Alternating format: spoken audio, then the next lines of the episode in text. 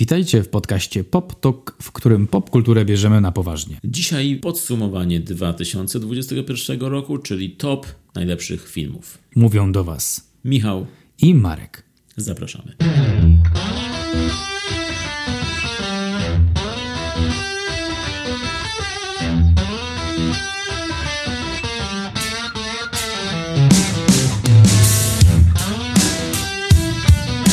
W dzisiejszym nagraniu będziemy się skupiać na filmach, które zostały wyprodukowane w 2021 roku. Przygotowaliśmy top 5 filmów, każdy z nas, i będziemy pokrótce opowiadać o nich, jakie były nasze odczucia, co nam się w nich podobało i być może Was zachęcimy do obejrzenia kilku z nich. Mamy przygotowaną specjalną funkcjonalność na dzisiaj. Nazywa się to koło imion i będziemy losować imię tego, kto ma powiedzieć o filmie z danego miejsca ze swojego top. Ale zanim uruchomimy nasze koło, jeszcze tylko powiem yy, dwa słowa. Ten top 5 to będą najlepsze filmy kinowe, streamingowe, festiwalowe, ogólnie najlepsze doświadczenia okołofilmowe, kinowo-filmowe. Odpalać koło? Odpalaj. Dobrze, here goes.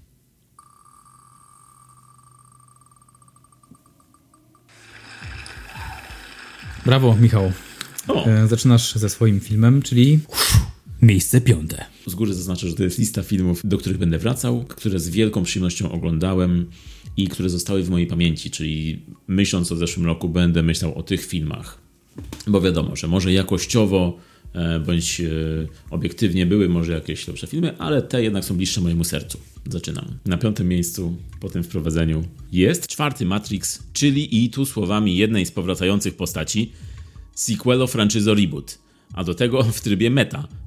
I z perspektywy kogoś, kto nabrał dystansu do siebie i do świata, no, Lana Wachowski przefiltrowała Matrixa przez fantazyjną poetykę swojego serialu Sense8 Netflixowego i zafundowała serii całkiem nowy, ekstrawagancki outfit.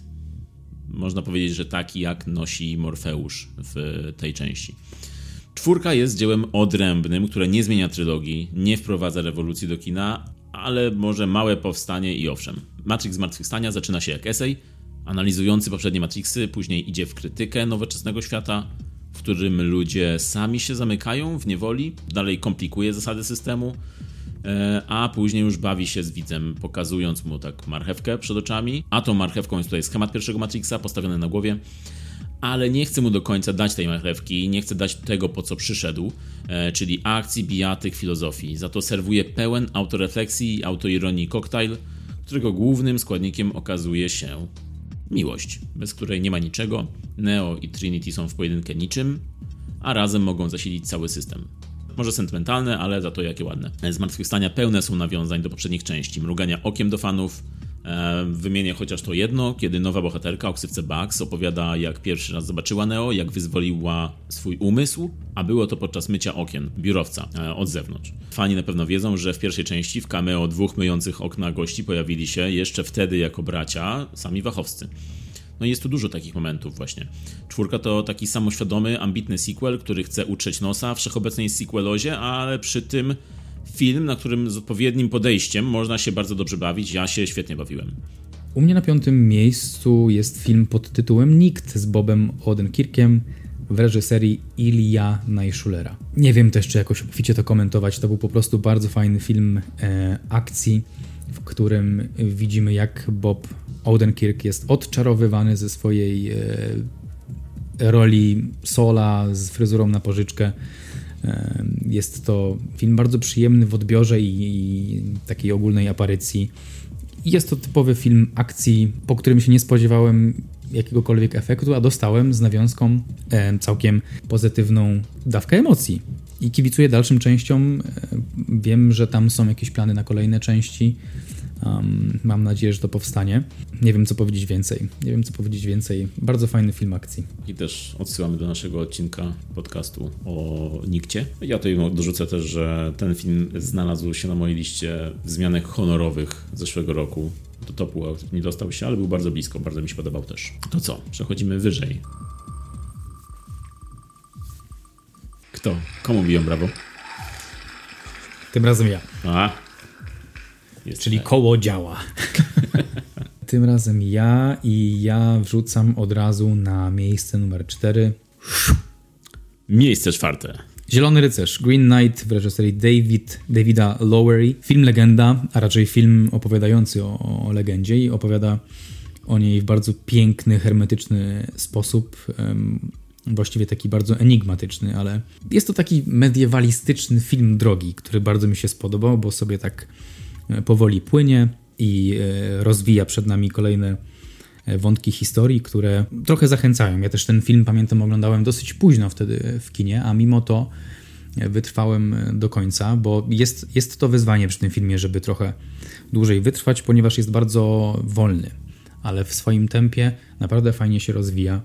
Dev Patel jest super w tej roli. Wszystko jest mega pastelowe i przyjemne dla oka. Tak samo na przykład Barry e, Cogan. Nie wiem, czy dobrze czytam jego nazwisko, ale znany jest zwykle z takich psychotycznych, jak na przykład w Zabiciu Świętego Jelenia. Grał też w Dunkierce mm, i teraz ostatnio w filmie Eternals, w którym tak naprawdę on z kolei się odczarowuje, już nie jest tą taką postacią e, psychopatyczną, która chce niszczyć, um, ale to zostawiam wam e, też do oceny. Fajnie było go e, też oglądać. Ja, ja, ja go bardzo lubię, tego Barego e, w filmach. Ma jakąś taką magnetyzującą osobowość. Ten film mógł lekko, wydaje mi się, stworzyć jakąś osobną, nową legendę. Um, jest bardzo nasączony takim trochę sosem ambientowym. Tak jak już wspomniałem, wszystko bardzo wolno się dzieje, ale naprawdę ma to sens w tym filmie. Wszystkie kolejne postaci, które się pojawiają w swoim czasie, mm, na przykład rola Alicia Vikander, czy Joela Edgertona, czy Sean Harris, naprawdę wszystkie postaci są tak osadzone w tych rolach i tak skupione na tworzeniu tej, tej enigmy, że chce się to dalej oglądać. Chętnie obejrzałbym to jeszcze raz, teraz już może w bardziej takich domowych warunkach, żeby móc naprawdę się skupić na, na tym tempie i na tej, na tej poezji wizualnej tak naprawdę, bo to, bo to, to przedstawiało. Także Sir Gawain, e, masz mój szacunek. Brave, brave, brave Sir Gawain. No, ja tutaj e, może zaskoczę ciebie, mm, ale na moim czwartym miejscu mam dwa filmy egzekwo i jednym z nich też jest Green Knight, uh. Zielony Rycerz. Tak, Zielony Rycerz, wszystko to, co powiedziałeś, jest tam gęsto, gęsto jest klimat i ten film zyskuje, nie wiem, plus dwa do oceny, kiedy się ogląda go w kinie, bo mm, robi mm. bardzo wielkie wrażenie w kinie i wizualnie, i dźwiękowo. Tak, tak. Super, no jest magia rzeczywiście. Więc zgadzam się ze wszystkim, co powiedziałeś. A jeszcze drugim filmem, który jest tutaj egzekwo na czwartym miejscu, e, jest troszkę po, na drugim końcu spektrum fantazji, bo tutaj zestawiłem troszkę sobą takie filmy fantazyjne. Drugim filmem jest Psycho Gorman. E, jest to film, o którym mówiłem przy okazji Octopusa, bo widziałem ten film na Octopusie, ale miał też e, premierę w grudniu w Polsce dzięki Velvet Spoon. I to jest taki science fiction horror, ale bardzo komediowy, bardzo z wielkim przymrużeniem oka. E, film, film niezależny, ale zrobiony bardzo fajnie. E, w stylu starych filmów z VHS-u, więc ma klimat takiej taniego szczotu z wypożyczalni, ale ma wielkie serducho. I to serducho naprawdę czasami potrafi rozbroić. Jest bardzo zabawna gra ze schematami, ale te schematy też są często wykorzystywane ku dobru ogólnemu. To jest bo... ten Stevena Kostańskiego? Tak, film Stevena Kostańskiego.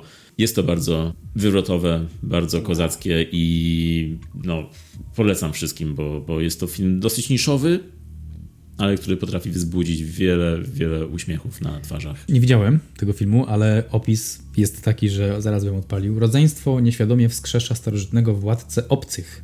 Tak, to jest. Koniec, to już wystarczy. To, to jest. To, to wystarczy, tak, dokładnie. I ten władca jest kontrolowany przez małą dziewczynkę, która przypadkowo e, wchodzi w posiadanie e, takiego jakby kamienia, który, mm. który kontroluje go. I, I, ta dziewczynka wymyśla różne rzeczy, i ten kosmita musi, musi jej słuchać, mimo tego, że bardzo nie chce i bardzo okazuje e, to niechcenie. I jest to bardzo często, bardzo często wulgarne. Jest to bardzo często, ten humor jest no, jest bardzo dziecięcy, ale no, potrafi tak ująć i, i, i strzelić urokiem, że, że wow. Tak, więc to jest moje czwarte miejsce. Ja już sobie zaznaczyłem na Filmwebie, że chcę to obejrzeć, bo naprawdę wygląda fajnie. No mam nadzieję, że będzie gdzieś w streamingu niedługo, bo na razie chyba nie ma żadnej e, opcji, żeby go obejrzeć u nas w Polsce. No zobaczymy. Co przechodzimy do następnego. Czyli to było egzekwo czwarte Tak, czwarte. miejsce e, U Green Knight tak, i dokładnie. Psycho Gorman. Tak jest, Psycho Gorman. No dobrze, no to odpalamy koło, idziemy dalej. Odpalamy. Bro, What up? me. O, znowu. Dobrze, dobrze, dobrze. Marek, brawa dla ciebie. Lecisz z... Miejsce trzecie. Miejsce trzecie, moi drodzy, to film pod tytułem Odkupienie w reżyserii Frana Kranza. Yo, Angielski yo, tytuł. yo, yo, yo. We did it again. Did it again. Oryginalny tytuł to Mass, czyli taka msza. I tak też trochę podpowiada to, o czym się dzieje. Może nie o czym, ale gdzie dzieje się fabuła, bo to jest taki film jednej lokalizacji.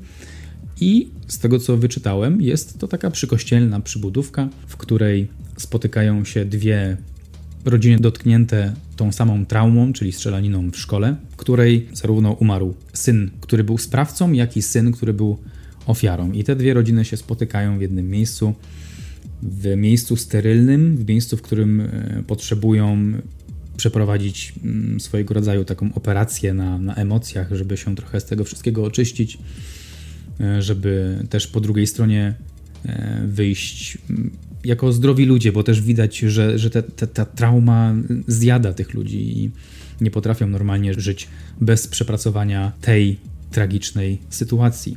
Czy to im się udaje? Nie do końca wiemy, tak naprawdę, ale podróż, e, na którą nas zabierają, wbija w fotel, nie pozwala poczuć się komfortowo e, i, i zmusza, zmusza widza do takiej wiwisekcji. No jest to film też, o którym już mówiliśmy w podcaście, w odcinku o American Film Festival, gdzie go oglądaliśmy. I no jest to rzeczywiście trudny seans. Jest to mm, takie przepracowywanie, wspólne przepracowywanie cierpienia, które prowadzi do zrozumienia, być może do zrozumienia, być może nie, to nie jest jasne rzeczywiście w finale. E, No, ale jest to bardzo taki transcendencyjne kino, przekraczające to, co się dzieje na ekranie, tylko tak bardzo uderzające w emocje. Jest niewiarygodnie mocny, jest empatyczny wokół, wobec swoich bohaterów, no i jest fenomenalnie zagrany. No i musimy jeszcze powiedzieć, że ten film miał premierę polską w Wigilię. Musimy to Tak. przypomnieć.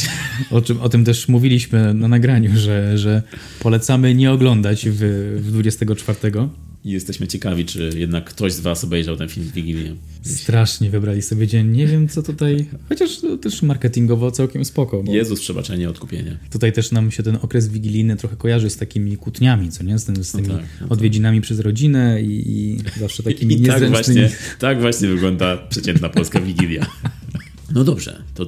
A, ja, zaraz, bo zaraz, zaraz. Masz trzecie miejsce, tak jak ja? Czy... Trzecie miejsce było film Odkupienie, ale znowu jest sytuacja egzekwo. A, proszę. Niespodzianka, niespodzianka. Na trzecim miejscu egzekwo z Odkupieniem jest drugi film, który widzia, widziałem na American Film Festival i jest to film Red Rocket. Też o nim już mówiliśmy. Powiem tylko krótko, że to jest nowy film Shona Bakera, twórcy Florida Project, który nadal wędruje po tych samych terenach e, Ameryki, czyli są to małe miasteczka i ich mieszkańcy i tym razem przedstawia taką jakby epopeję łotrzykowską z części e, Stanów Zjednoczonych, które są, no można powiedzieć, taką pato USA. I jest to film bardzo zabawny, bardzo też ambiwalentny, przede wszystkim z ambiwalentnym bohaterem, granym przez Simona Rexa w roli byłego gwiazdora porno, który przyjeżdża do swojego rodzinnego miasteczka, gdzie jego była żona nie chce go widzieć, ale on jednak przekonuje ją, żeby z nią zamieszkał i później przekonuje widzów do tego, żeby go polubili, mimo że jest obleśnym typem. I przekonuje również e, dziewczynę, która pracuje w sklepie z pączkami, do tego, żeby po prostu pojechała z nim i zrobiła, zrobiła karierę w świecie porno. Jest to coś e, niezwykłego. Polecam ten film wszystkim. E, Ten film będzie miał premierę w marcu w Polsce. Mm, jest bardzo przewrotny i zabawny, a przy tym też jest taki momentami uroczy i aż byłem zadziwiony, jaką sympatię miałem do bohatera, mimo tego wszystkiego, co on robił i mimo tego, że nie chciałbym go poznać w prawdziwym, w prawdziwym życiu. No jest to przede wszystkim główna zasługa roli Simona Rexa, który jest świetny tutaj. Także Red Rocket polecam wszystkim. Na pewno nominacje do Oscarów się posypią, a jeśli nie, no to to będzie niedopatrzenie. Spinamy się wyżej? Wspinamy się wyżej. Michale, odpalam koło i też jestem ciekaw e, filmu Red Rocket. Słyszałem o nim do, dobre rzeczy, i słyszałem też o taką opinię, że ten aktor, który gra główną rolę, to jest, on gra rolę takiej osoby, której jest, jest taka ta osoba jest taka śliska i że każdy z nas zna taką osobę gdzieś tam. -hmm. Że każdy zna, mimo że może nie chciałby mieć z nią do czynienia, ale na ekranie kinowym bezpiecznej odległości tak, tak. można spokojnie podziwiać, podziwiać to, co on wyprawia, a wyprawia tam niesamowite rzeczy. W negatywnym znaczeniu tego słowa. No to jedziemy wyżej. Michael! A, I ja kontynuuję. Dziękuję, dziękuję. Michale, drugie. Pan Wojciech Pijanowski zakręcił kołem. Miejsce drugie. Dziękuję. U mnie na drugim jest e, horror. E, według mnie najmocniejszy horror zeszłego roku. E, horror, który widziałem w kinie, który miałem tę przyjemność i wystraszył mnie dosyć mocno. I jest to Dom Nocny. The Night House. Jest to film, który przeszedł dosyć szybko przez nasze kina. Kiedy szedłem na niego do kina, wyglądał jak taki typowy horror, po czym siedziałem w fotelu i okazało się, że nie jest to taki typowy, zwykły horror, który puszczają przez tydzień w kinie, żeby zebrać młodzież. Tylko jest to naprawdę mocny, zaskakujący film ze świetną rolą Rebecca Hall, która tutaj wyprawia naprawdę niezłe rzeczy. No i jest to wielkie zaskoczenie, bo we mnie na przykład ten film zaburzył bardzo strefę komfortu, jak go oglądałem. Jest to film, który buduje sceny po mistrzowsku, bo najpierw wciąga widza w takie, takie jakby moment uśpienia, troszkę wszystko jest ok, wszystko jest dobrze, jest dialog, wszystko jest ok i po czym nagle tak uderza mocno i że były takie momenty, że się bardzo wystraszyłem na tym filmie, a dodatkowo oprócz tego, że ma tam naprawdę dobre jumpscary, to historia jest bardzo zaskakująca i po prostu to, jak ten film się rozwija i to, jak ten film wciąga w bagno tak naprawdę i to, jak zaczynasz zauważać, o co w tym filmie chodzi. No nie będę tutaj spoilerował, ale polecam każdemu, żeby się wciągnął w to bagno, bo jest to bardzo, bardzo smutny film tak naprawdę, dojmujący, smutny horror, który pozostawia cię w takim stanie przemyślenia dosyć pesymistycznym. Więc nie każdy to lubi, może ja uważam, że to jest bardzo oryginalny horror, jeden z najlepszych tamtego roku no najlepszy na mojej liście na pewno. Kurczę, ciekawe czemu tak krótko w kinie było, skoro zostawia widza z takim poczuciem. No tego, tego ci nie powiem. E, być może dlatego, że nie był to jakiś film z gwiazdorską obsadą to po pierwsze, a po drugie nie był to też taki typowo horror z jumpscarami, który można by się wybrać z piwkiem w ręku. Ale wygląda, fotosy wyglądają bardzo ładnie, tak estetycznie. Powiedz mi, to jest taki horror bardziej w stylu jakiś społeczny horror, czy taki horror e, taki jak Emily Rose, jakieś takie rzeczy? Nie, to jest taki bardziej horror taki psychologiczny, który wchodzi w dosyć takie e, aspekty mocno nihilistyczne. Jest dosyć smutny. Zaczyna się jak bardziej typowy horror, w którym niby jest nawiedzony dom, Mhm.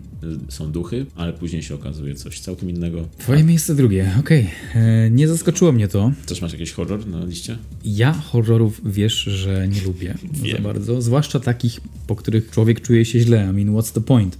Tak, no, znaczy, no to jest film, który na pewno zaczynasz myśleć o wielu rzeczach, no niekoniecznie dobrych, ale no, no już nic nie mówię. Rozumiem z tej perspektywy też e, czasem warto obejrzeć film tylko po to, żeby poszerzyć rozumienie czegoś lub e, zabawić umysł jakąś inną ideą. Na usprawiedliwienie powiem, że jest tam też taka dosyć e, ala zagadka kryminalna, którą można śledzić, nawet jeśli nie chcecie się wydawać w jakieś pesymistyczne, nihilistyczne rzeczy, to jest tam e, też taka tajemnica ciekawa. To jest teraz, można obejrzeć online, tak? Na streamingu jest. No dobrze. To number two, Here on My End, is a film called Titan. Film, który widzieliśmy na festiwalu Kamera Akcja, krytyków e, sztuki filmowej. Film w reżyserii Julie Ducournau. Nie powiem o nim za wiele, bo on będzie dopiero w kinach i zachęcam Was, żebyście odwiedzili kina i zobaczyli ten film. Natomiast jest to zdecydowanie coś, co mnie bardzo zaskoczyło. Nie spodziewałem się takiego filmu ever. Próby szukania logiki w tym filmie zakończyły się na pewnym etapie, ale to nie jest tak, że, że ona tam powinna być. Tak naprawdę. To jest film trochę odpalony i on głównie przemawia do nas emocjonalnie. Ja tutaj specjalnie omijam fabułę, żeby wam zupełnie nic nie, nie spoilować, co tam się dzieje, ale chyba mogę powiedzieć, że dzieje się z perspektywy głównej e, bohaterki i takich przemianach, takich relacjach e, rodzicielskich, e, mocno takim ojcostwie, ale też takiej takiej, takiej akceptacji. Jest to bardzo, bardzo metaforyczny film. Nie ma tam takich oczywistych rzeczy, które popychają fabułę wydaje mi się, że to jest film na więcej niż jeden raz. Na, na pierwszy raz może wydawać taki tak szokujący, że, że przyciąga i wydaje mi się, że na tym etapie właśnie jestem, że tak zszokował mnie, że chcę obejrzeć go drugi raz. Jest to przede wszystkim bardzo dobrze zrealizowany film, wizualnie, muzycznie, dynamicznie. Na, pewno, na pewno się nie znudzicie podczas oglądania tego filmu i na pewno trafi do Was też na poziomie emocjonalnym w jakiś sposób. Także zachęcam do śledzenia Aleksji i jej losów e, w filmie Titan. Polecam ten film. Nie mam go na moim topie, ale na pewno będzie w honorowych wzmiankach, bo bardzo mi się podobał ten film. Pierwsze miejsce zostało, czyli oddajemy głos publiczności.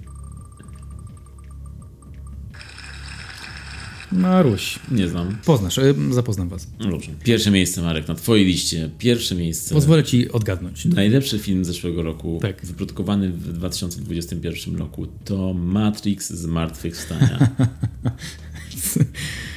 Nat. Ach, byłem blisko. To jest oczywiście, oczywiście film pod tytułem Come On, Come On w reżyserii Mike'a Millsa. Nadal, nadal byłem blisko. To jest bardzo blisko, bo Matrix jest na literę M i Mike Mills też nazywa się na M. Dokładnie. Film, który będzie miał premierę 21 stycznia u nas w kraju. Bardzo, bardzo polecam obejrzenie tego filmu. Um, widzieliśmy go na amerykańskim festiwalu filmowym we Wrocławiu. Mike Mills, reżyser filmu Debiutanci, który opowiada o tym, że wszyscy tak naprawdę jesteśmy debiutantami w swoich relacjach miłosnych i w ogóle relacjach z ludźmi i wszyscy musimy przeżyć pewną ilość sytuacji, by móc być coraz lepszymi w tych relacjach. Zdecydował się teraz na opowiedzenie historii między wujkiem a siostrzeńcem. Wujkiem, którego gra Joaquin Phoenix i siostrzeńcem, którego gra Woody Norman. Też za dużo nie chcę powiedzieć o fabule. To był chyba taki tipping point u mnie, mojego e, roku 2021. I z jednej strony nie chcę mówić o fabule, bo to może spoilować i może zepsuć wam doświadczenie, ale z drugiej strony nawet nie mam za dużo słów, żeby opisać ten film, bo uważam, że ten film trzeba poczuć.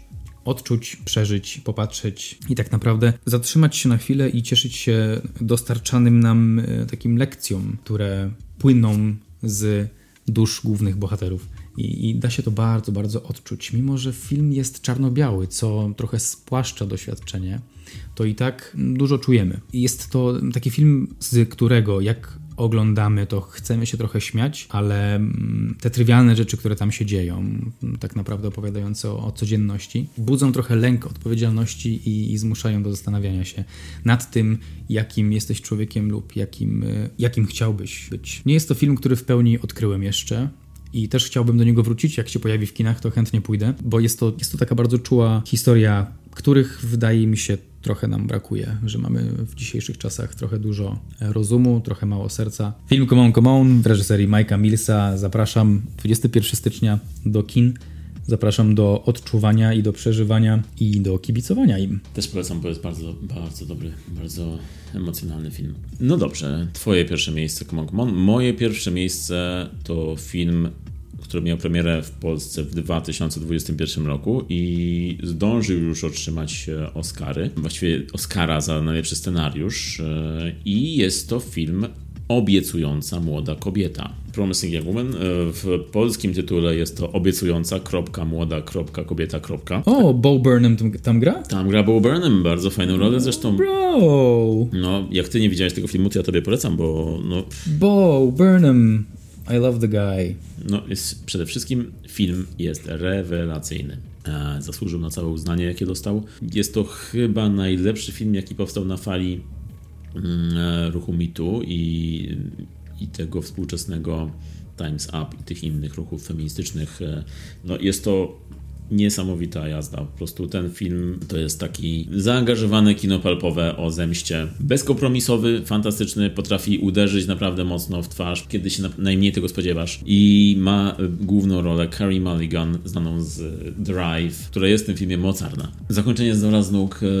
Nie chcę tutaj mówić za dużo, no bo ten film e, potrafi bardzo zaskoczyć, nie chcę spoilerować. Jeśli ktoś nie widział, no to naprawdę polecam, bo jest to bardzo mocne doświadczenie. Jest to e, przykład ciekawego użycia kina zemsty, e, które zostaje tutaj odwrócone na drugą stronę i opowiada zamiast o zemście zaczyna opowiadać bardziej o toksycznej męskości. Zresztą jest tam pięknie użyty utwór Britney Spears Toxic, przearanżowany na smyczki. Często do niego wracam, bo jest bardzo, bardzo fajnie użyty. Obiecująca młoda kobieta w reżyserii Emerald Fennel, nowy głos w kinie amerykańskim, ale już bardzo donośny. Ja będę obserwował, na pewno bardzo chętnie obejrzę, co tam będzie dalej reżyserować i pisać i polecam wszystkim obiecującą młodą kobietę, z tym, że wydaje mi się, że już wiele osób widziało ten film, a jeśli ktoś nie widział, no to polecam. No to mamy to. Mamy wszystkie pięć miejsc. A teraz możemy przejść do honorowych wzmianek. Michał, zapraszam. Masz jedną czy dwie? No, Czy mam nawet więcej. 13?